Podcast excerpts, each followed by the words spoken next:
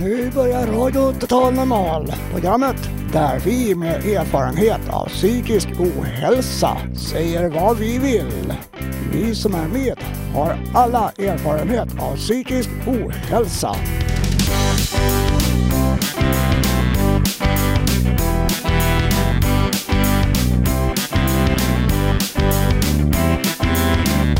Du lyssnar på Radio Total Normal 101,1 MHz. Totalt normalt.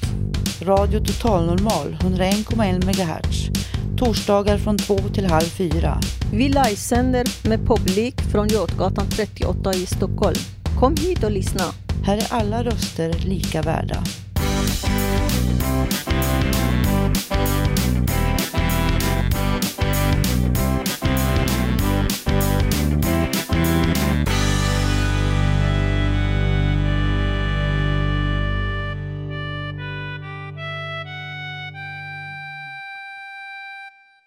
Ja, hej, det här är Radio Total Normal som sänder från Götgatan 38. Jag heter Janne. Idag ska vi prata om sjukjournaler från psykiatrin. Hur man gör för att få läsa sin egen journal och hur man gör för att få dem förstörda ifall man så önskar. Jag kommer att berätta lite mer om mina egna erfarenheter. Vi kommer att få höra en intervju med Socialstyrelsen som är ansvariga för journaler, makulering av journaler. Dessutom blir det levande musik och poesi som är skriven av oss på Radio Total Normal och en massa annat. Allt detta framförs med och av en levande och entusiastisk publik.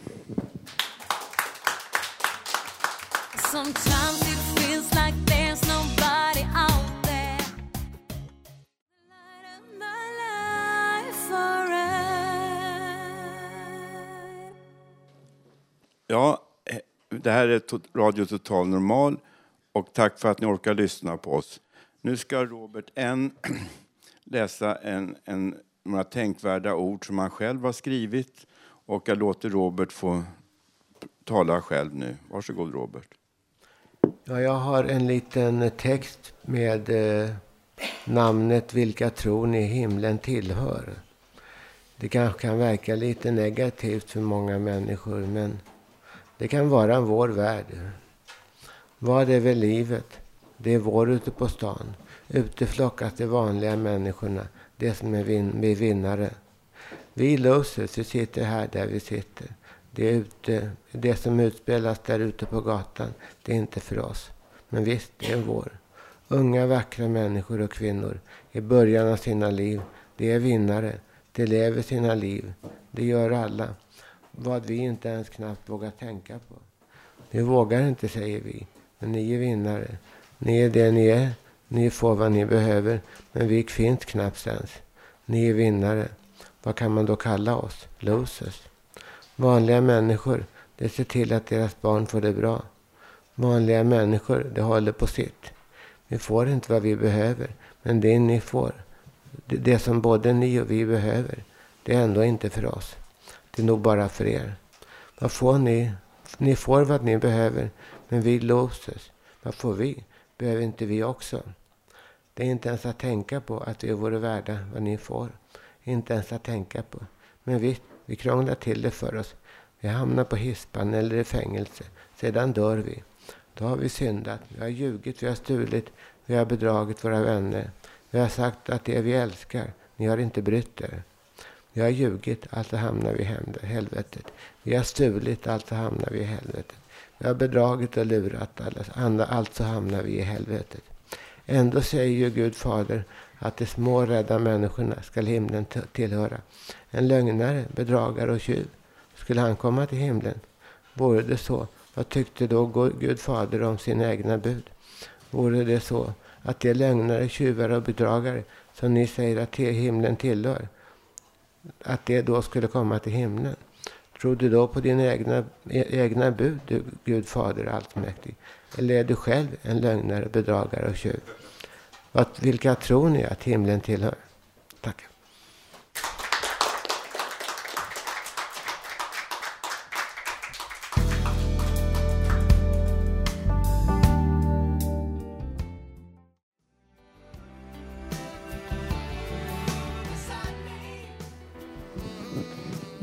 Hej, jag heter Lilian Enbring. Eh, och eh, jag har varit med här tidigare i Radio Total Normal tillsammans med min kompis Joakim Lanners som spelar piano. Eh, idag ska vi eh, göra en sång som heter Mercy och det är en tjej som heter Duffy som har spelat in den. Försöka göra någonting liknande. Det var lite kul när jag hittade den här låten för att jag var inne på Myrorna på Götgatan och, och skulle kolla in lite kläder och sådär och jag hittade ingenting. Men däremot i högtalarna så hörde jag den här låten och det bara fastnade på en gång. Jag tyckte den var störtläcker. Så jag var tvungen att fråga vad det var för låt. Ja, det var Mercy hette den. Ja, men det lät som att det var det hon sjöng. Jag måste hitta den där låten. Och så var jag så rädd att jag inte skulle hitta den så jag var tvungen att gå tillbaks och fråga vem är det som har sjungit den?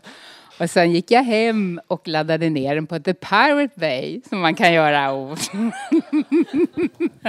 så här kommer den. I våran version.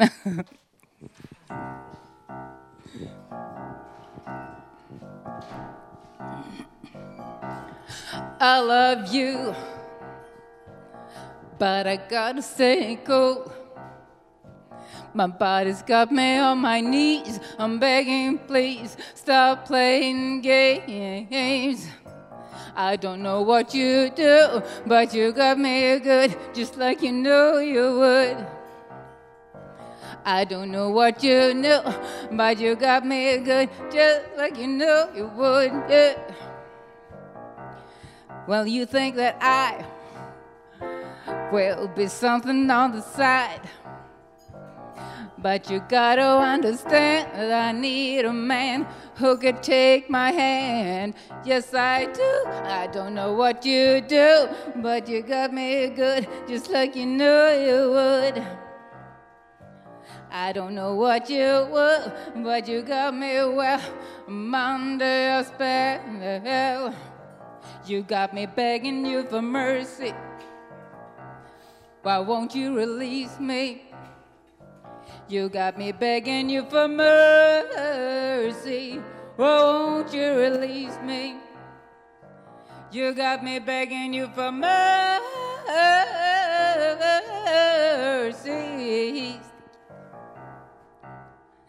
You got me begging, begging you for mercy. You got me begging, begging you for mercy. But want me begging, begging you for mercy. You got me begging, mm, mercy.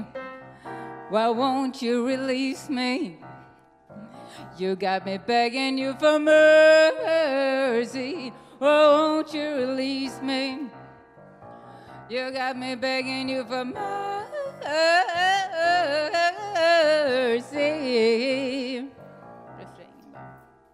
You got me begging, begging you for mercy. You got me begging, begging you for mercy. You got me begging, oh baby, begging. You got me begging, begging you for mercy. Oh, oh baby, release me. You got me begging, begging you for mercy. You got me begging, begging on my knees. You got me begging, begging you for mercy. You got me begging, begging you for mercy. Begging you for mercy. Så mycket.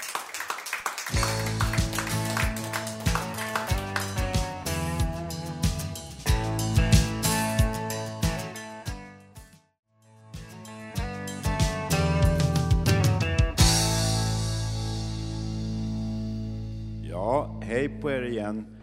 Eh, tack för att ni orkar lyssna på oss fortfarande. Nu ska en medarbetare eh, till Radio Total Normal, Hans Kvinto, läsa en text som man gärna vill framföra här. Varsågod, Hans. Tack. Jag heter Hans Kvinto. och jag har varit medlem här på Fountain House. Vi, vi sänder härifrån Fountain House, Götgatan 38. Och jag har varit medlem här i Fountain House Stockholm sedan 1990. Och Fountain House började i New York 1948. Och en person som var anknuten till eh, Fountain House var Rut Ettlinger som satt i styrelsen. Hon har gått bort och jag vill gärna förmedla vad jag minns av henne. Eh, så minns jag Rut Ettlinger. Rut Ettlinger är död. Jag såg dödsannonsen i DN igår. Hon var judinna. Hon deltog vid eh, hög ålder på konferensen på, ute på Adelsö bland annat. Och hon satt i styrelsen för Fountain House. Jag minns att hon hörde dåligt och ofta sa kan du tala lite högre. En lördag när jag var deppad och hade självmordstankar ringde jag Rut och sa att jag mådde dåligt. Hon frågade, det är inte så att du har tankar på att ta livet av dig? Jo, svarade jag. Då sa Rut, det får du inte. Jag tycker det vore för jävligt om du tog livet av dig. Hon, vär, hon värnade om livet, var psykiater och specialist i självmordsfrågor.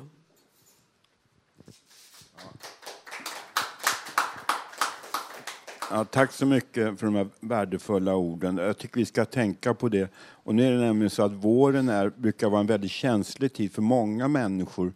Och kan många psykiskt sjuka må väldigt dåligt.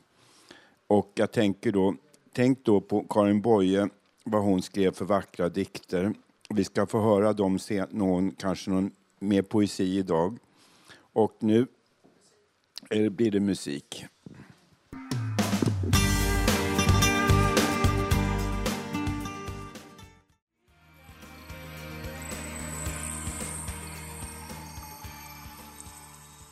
Ja, det här är fortfarande Radio Total Normal. Nu ska det handla om förstörelse av sjukjournaler. Många inom psykiatrin är missnöjda med sina journaler för att de innehåller felaktiga uppgifter. Ett annat problem är att många inte har läst sina journaler på grund av att de inte orkar eller inte känner sig motiverade. Okej. Okay. Nej, det gör inget. Det kommer en lite musik. Varsågod.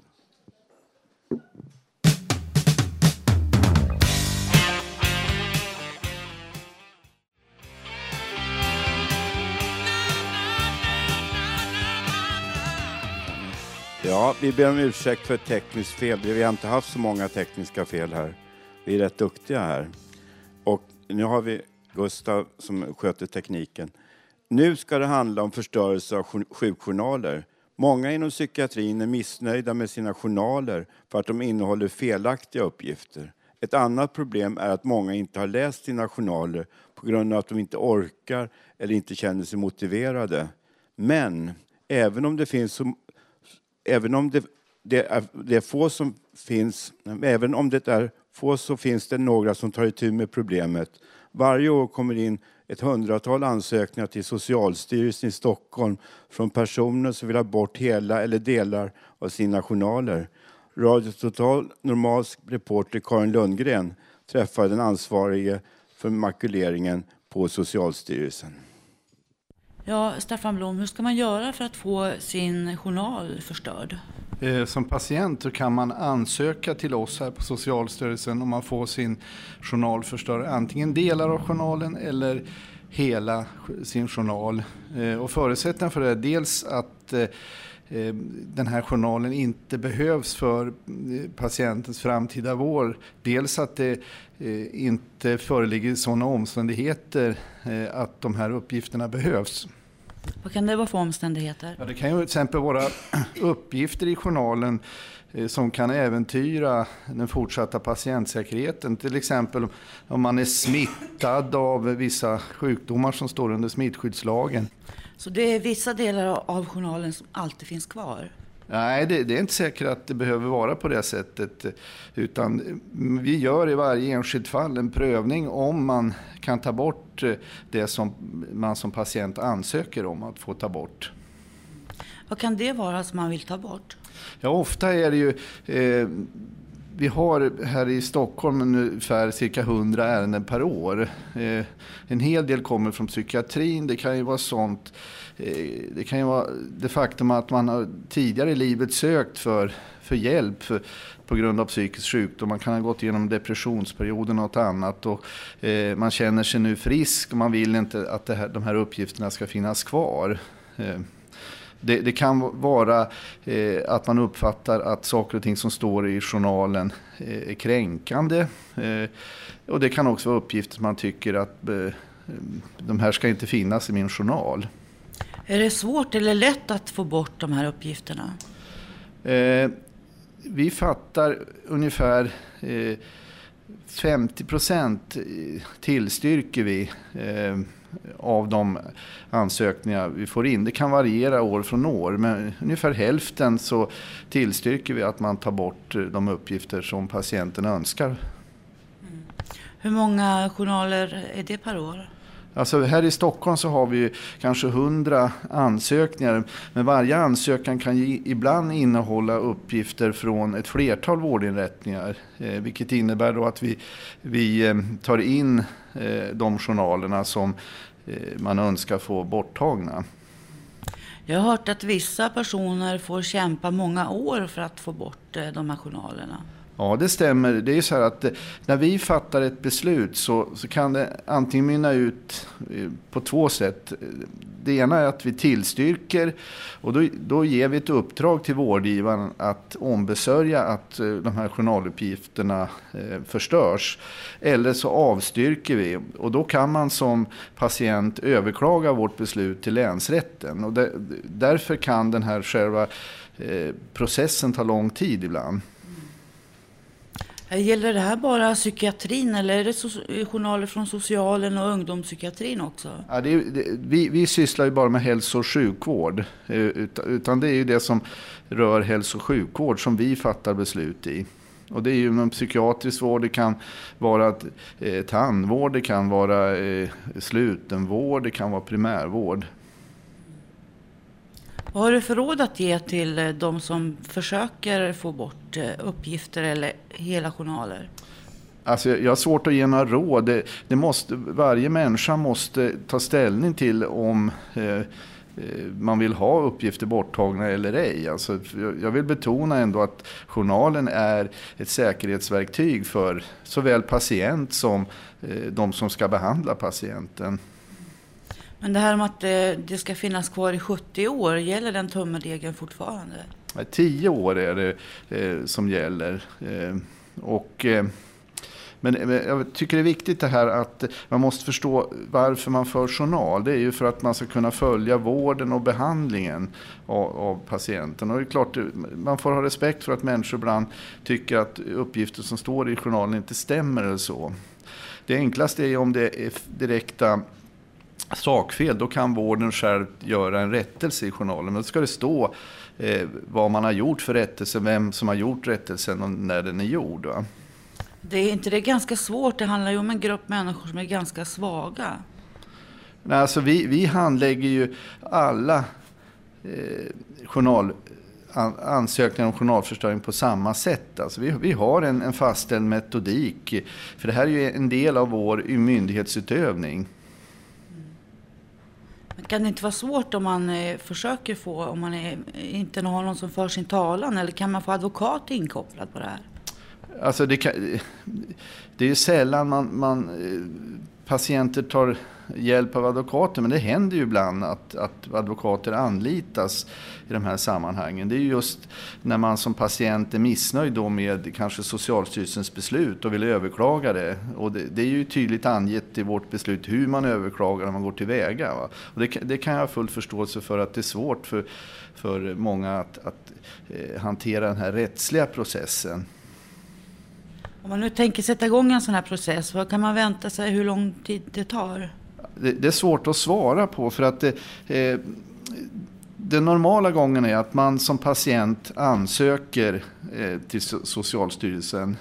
Eh, och rör det sig om bara några uppgifter i en journal eh, från kanske ett specifikt vårdtillfälle eh, så kan själva utredningstiden blir relativt kort. För vad vi gör det är att vi, vi tar in journalen och begär ett yttrande från, från den som är verksamhetschef eller ansvarig för journalen att, eh, och ställer en fråga. Behövs de här uppgifterna för patientens fortsatta vård eller ej? Så dels begär vi att få en bedömning av vårdgivaren. Sen gör vi själva en bedömning. Eh, men ibland så kan det här dra ut på tiden. För det, det kan ju vara en patient som är missnöjd med sjukvården i största allmänhet och, och begär att få samtliga journaler förstörda från en mängd olika vårdinrättningar. Och, och då måste vi ta in eh, eh alla dessa journaler, begära yttrande från varje specifikt eh, eh, ställe som patienten har sökt vård vid. Och det här kan, det här kan dra ut på tiden.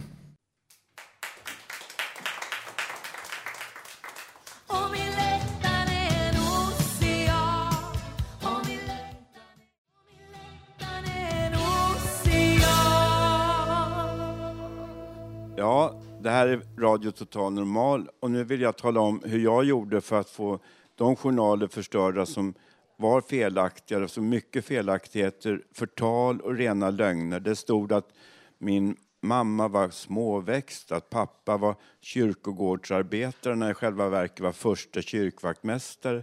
Det stod massa saker om mina anhöriga, släktingar och syskon, allt möjligt och trams och rena lögner och påhopp. Och jag vill, jag vill alltså nu uppmana er att begära ut era journaler och läsa vad som står där och därefter begära rättelser hos Socialstyrelsen. Ofta finns det felaktigheter i journalerna som kan påverka bilden av patienten negativt. Och detta i sin tur kan innebära att det blir en felaktig behandling. Det är viktigt att man på det här sättet tar kontroll över sitt liv och sin framtid.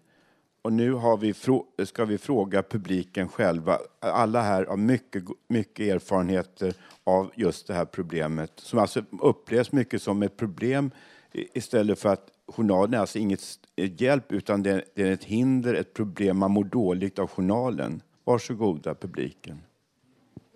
Ja, nu går jag runt och frågar. Är det någon som vill säga någonting här? Okej, okay. Hans vill säga någonting. Varsågod Hans.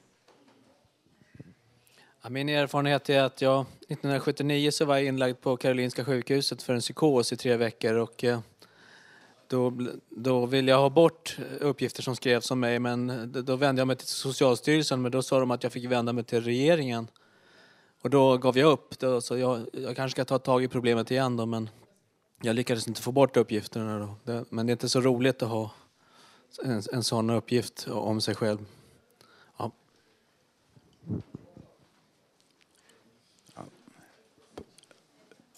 Eh, Pa- Parvane, varsågod. Eh, ja, hej, det är Parva här.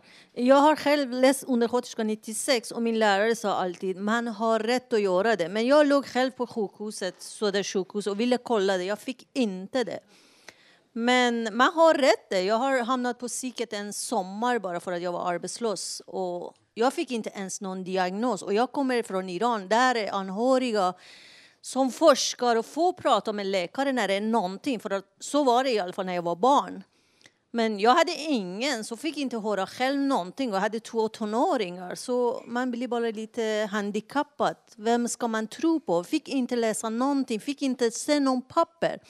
Sen när jag klagade på vården, nu, jag har inte ens kontakt med dem. Det är ingen som ringer mig och frågar ens hur mår du, lever du eller inte? Eller, jag vet inte vad, hur funkar psyket nu. Men eh, jag tycker det är bra. Nu är mycket på radio, tv och tidningar. Och de läkarna och behandlingsansvariga och kontaktpersoner, de får ta ansvar. De gör inte det faktiskt. Och det tycker jag det är fel. Varsågod Karin. Jo, Janne, jag undrar hur lång tid tog det för dig innan du fick bort eh, dina journaler? Ja, jag fick kämpa i många år på 80-talet och jag var till och med uppe i socialdepartementet med det här och jag fick mycket medhåll också från eh, väldigt fina personer både inom Socialstyrelsen och Socialdepartementet. Och jag hade även då anmält att jag blev misshandlad fysiskt på ett sjukhus här i Stockholm och eh, Eh, jag har ju tagit reda på allt det där och den vårdaren som gjorde det där han fick ju böter då, dagsböter. Och eh, det är sådana saker som alltså inte får hända någonstans, vare sig inom sjukvården eller någon annanstans inom kriminalvården någonstans. Människa ska inte behöva bli fysiskt bestraffad. Okej, Håkan, varsågod. Ja, jag vet vid ett tillfälle så hade jag eh, foten och hade jätteont. Och när jag kom till läkaren så eh, frå, frågade han så här, ska ni inte röntga foten och kolla vad det är? Nej, det är så himla bra. Det behövs inte någon röntgen, sa han. Och senare så ringde vi upp till eh, läkarkåren och de sa Alltså, ha ha ha, vi må bli hånade. Jaha, han är specialist. Och vi tänkte, ska han vara specialist ja, på det och inte kan se och tala om om jag stukar foten eller bryter foten. Det, då är man en gåta. Och det finns tyvärr de läkare som är så nonchalanta. De tror att de kan. Men vi andra vet bäst själva. Och nu... har någon- Eh, Idje, varsågod. Ja, jag har en fråga till dig, Janne. Lite grann varför du valde att, förs- att förstöra eh, journalerna. Jag bara tänkte så här, att vad spelar det för roll om det står någonting i någon journal någonstans? Liksom, vad, vad är det som gör att man vill ta bort dem? Vad, vad, har de, vad kan de göra för, för onytta eller för skada om de ligger där i någon dator någonstans? Alltså det här är så att det här är frågan om hur, människor mår. Och det, man mår ju inte bra av att ha några papper på sig som nå- nästan vem som helst inom sjukvården kan läsa. Och jag har ju upplevt många gånger, jag har varit inlagd på sjukhus och hela min journal lågt, legat upplagd på, på bordet i expeditionen och dörren till expeditionen var vidöppen så att vem som helst skulle gå in och läsa den. Och dessutom råkade jag vara en gång på ett sjukhus och då eh, skulle jag hälsa på en doktor och prata med den doktorn och då råkade gå in i ett rum där och där låg en hel olåst rum och där låg en hel journal uppslagen där.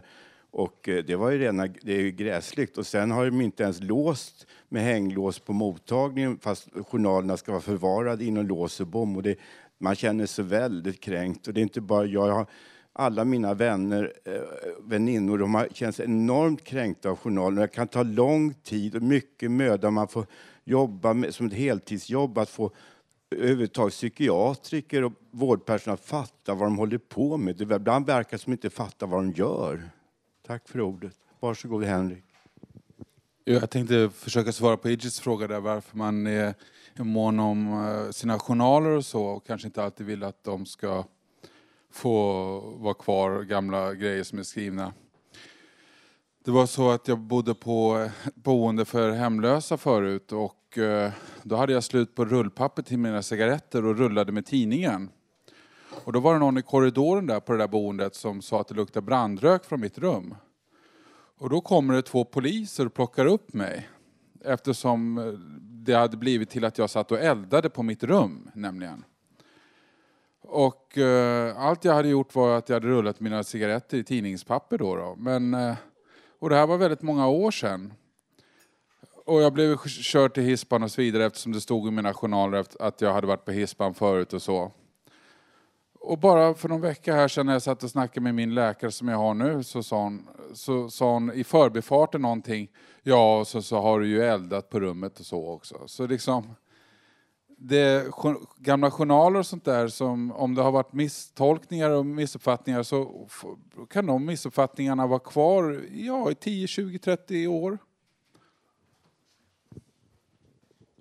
Ja, och eh, är det några fler reflektioner här? Okej, nej men eh, Idje ska säga en sak, varsågod. Jo, bara en sak till. Hur känns det nu då när, du, när de är förstörda? Ja, det känns eh, väldigt tillfredsställande och jag vill inte ha något eh, att någon ska veta någonting som, och tro någonting om mig som inte är sant. Alltså man får gärna säga saker om mig som är sant, men inte det som är osant. Tack så mycket.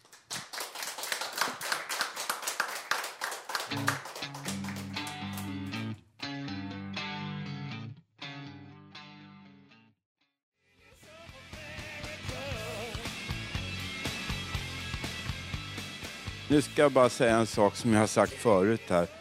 Eh, det finns inga dårar, det finns bara sköra människor och vi är sköra människor. Tack. Nu ska Ebba, medarbetare på Radio Total Normal, spela piano och sen läsa en dikt. Varsågod Ebba.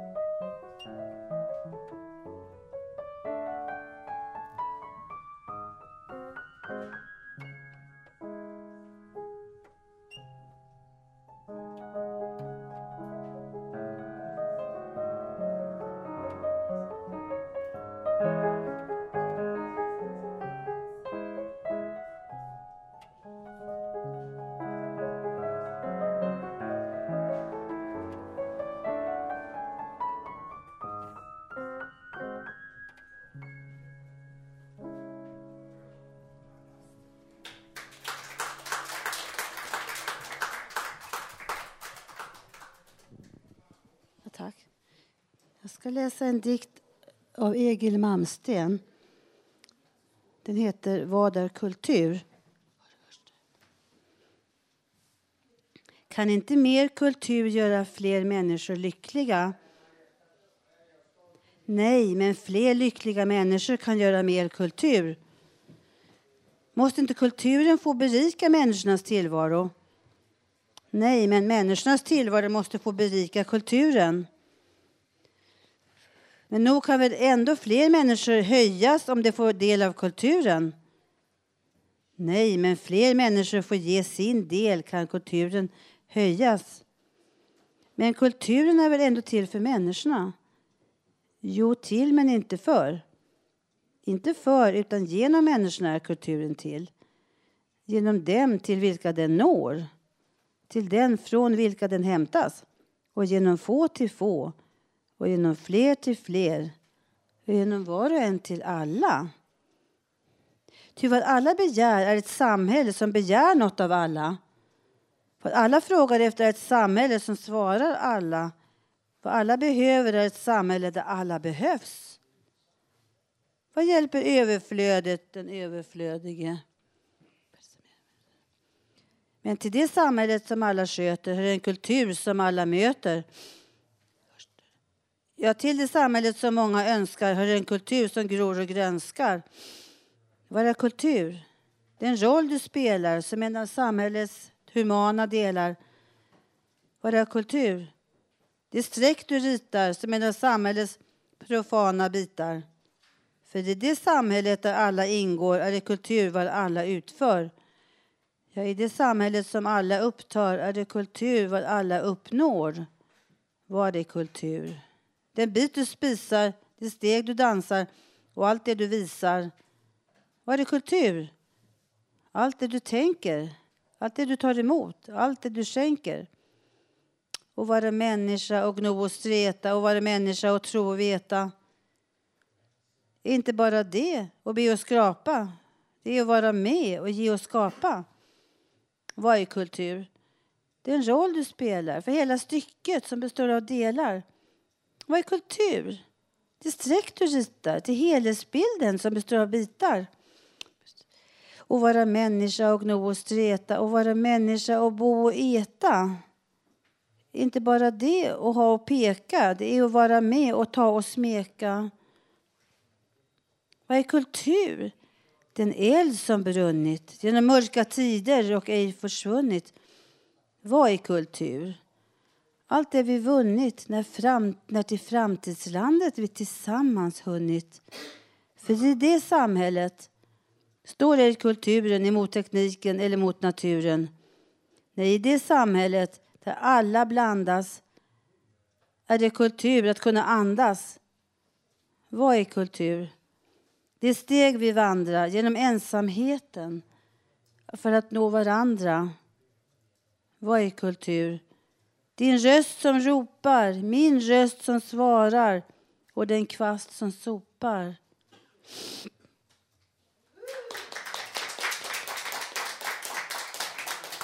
Ja, det här...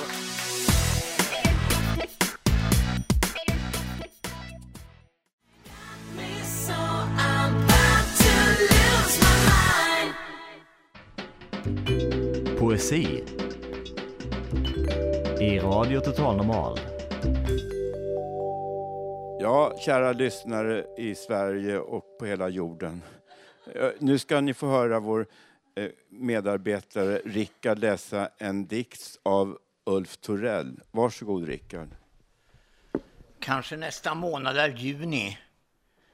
En tid sedan var vinter. Det snöade flera gånger. Det snöade fler gånger. Jag bor i Hammarbyhöjden. Idag är fredag maj. Igår var torsdag. Nu är 2009. Påsk var förra månaden april. Nu är vår. Förra året var 2008. Kanske imorgon är lördag.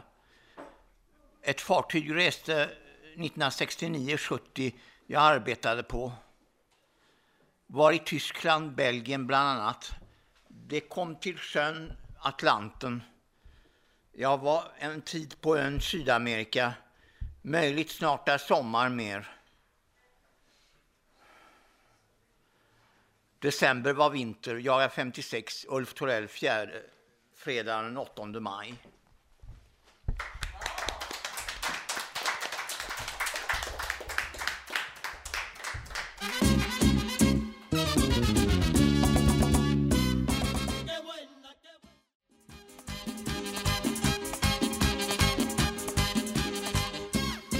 Yes, this is Radio Total Normal. Welcome to our broadcasting from Götgatan 38 on the Södermalm, Stockholm, Sweden. Now our re- as, uh, highly respected member will Håkan will read something he has been eager to perform here. Please, Håkan. Ja, hej! Jo, jag ska prata om eh, på, när det gäller alla asylsökande. Jag anser att vi sparkar på asylsökande som vill komma bort från ondskan och råheten. Trots det så sänder vi ofta tillbaka dem på grund av att de inte anses ha tillräckliga skäl. Istället för att ge dem en trygghet och ett hopp och mänskligt bemötande skickar vi tillbaka dem. Jag tycker inte att det är mänskligt bemötande. För så behandlar man ju inte ens djuren som blir sjuka. Då gör man allt för att de ska bli bra. Så jag undrar om vi svenskar förtränger att vi också har upplevt krig och fattigdom här i Sverige. Nu kanske ni undrar just vad vi har kopplat med djuren. Vad har det med invandrare att göra? Jo, våra fyrbenta vänner är ju våra, påstår vi att det är våra vänner. Och varför ska vi inte acceptera oss vanliga människor också? Och visa att vi verkligen bryr oss om dem. För vi är egotrippade, vi bara tänker på oss själva. För det finns många av dem som har invandrarbakgrund som inte vet var de ska ta vägen. Eh, tack för mig.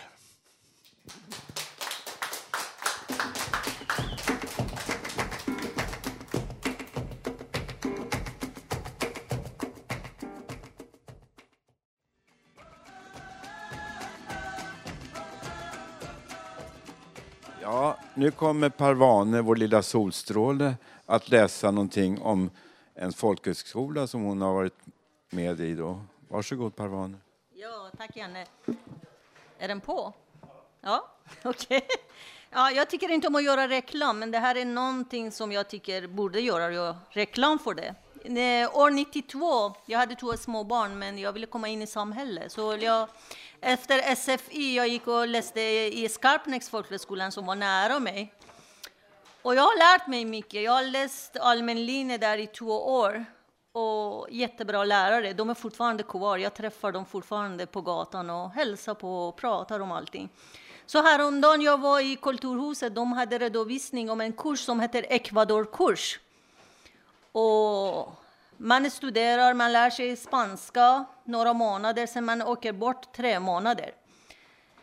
Eh, det är två terminer. Man, kursen börjar 24, 24 augusti 2009 till 28 maj 2010. Och om ni vill gå dit, jag gärna rekommenderar er. Om ni är arbetslösa, har inget att göra, det är bra att studera faktiskt. Det är det bästa man kan göra. Passa på.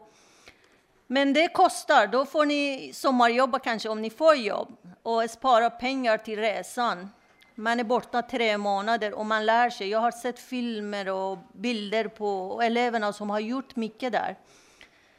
Så vänd er. Eh, imorgon är sista dagen, 15 maj, för ansökningsdatum. Ni kan vända er till Skarpnäcks folkhögskolan. Om ni vill, gärna kom hit. Jag lämnar lite broschyrer här. Ni kan hämta och söka. Det är jättebra skolan, bra lärare. Och man får, eh, då bör man vara 20 år för att börja på kursen och man måste vara klar med gymnasiebehörighet. Eh, och kunskaper i spanska är en merit men ingen krav. Och, ja, det är jättebra om ni vill göra någonting, studera och komma ingen annanstans. Sök till den där Skarpnäcks folkhögskolan. Tack för mig. Radio Total Normal, nästan ett program som alla andra. Enda skillnaden är att vi som gör programmet har erfarenhet av psykisk ohälsa.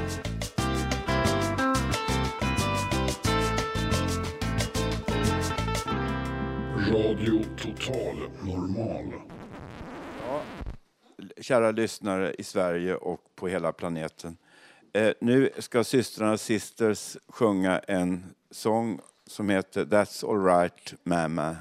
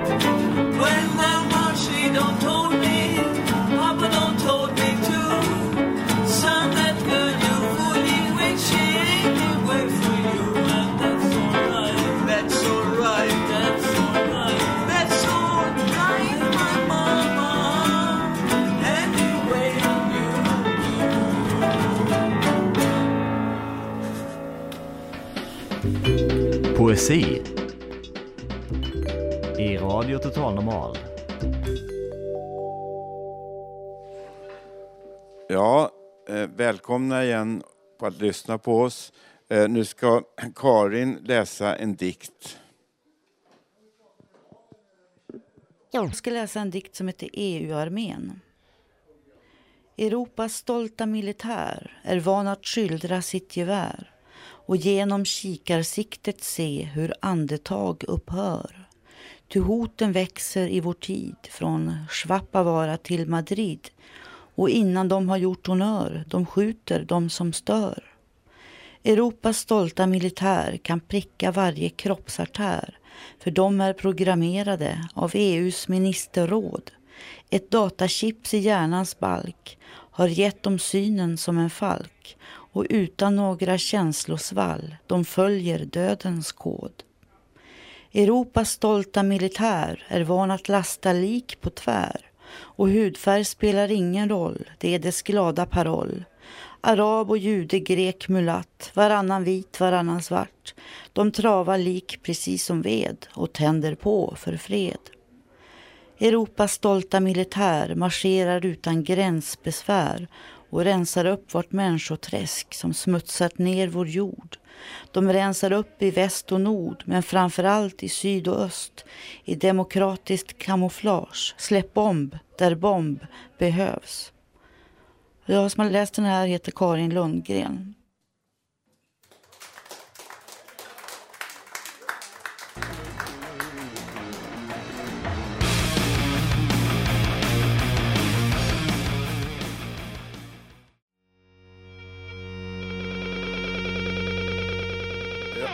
Ja, nu ska jag be att få läsa en dikt som jag själv skrev den 16 oktober 1997. Denna dag var en förunderlig dag. Den var ljuv och rik i själ, sinne och hjärta. Utan ångest, utan sjuka tankar.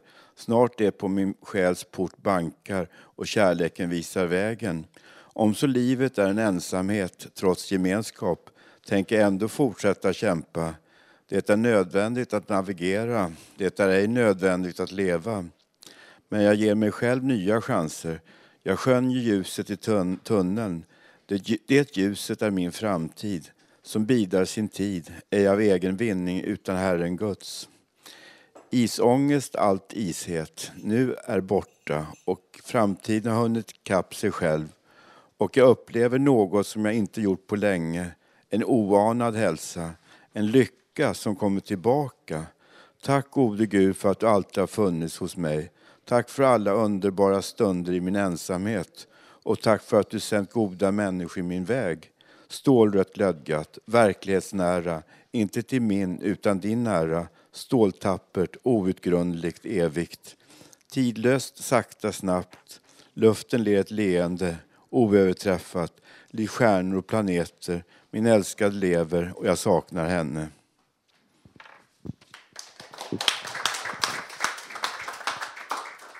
Ja, eh, tack för att ni har lyssnat på Radio Total Normal. Teknik idag har varit Gustav Sondén, producent Hanna Samlin och Idje Maciel. Musikläggare var Håkan Eriksson och Peter Thorén. Jag som har varit programledare heter Janne. Om ni vill lyssna i efterhand så kan ni gå in på vår hemsida www.radiototalnormal.se.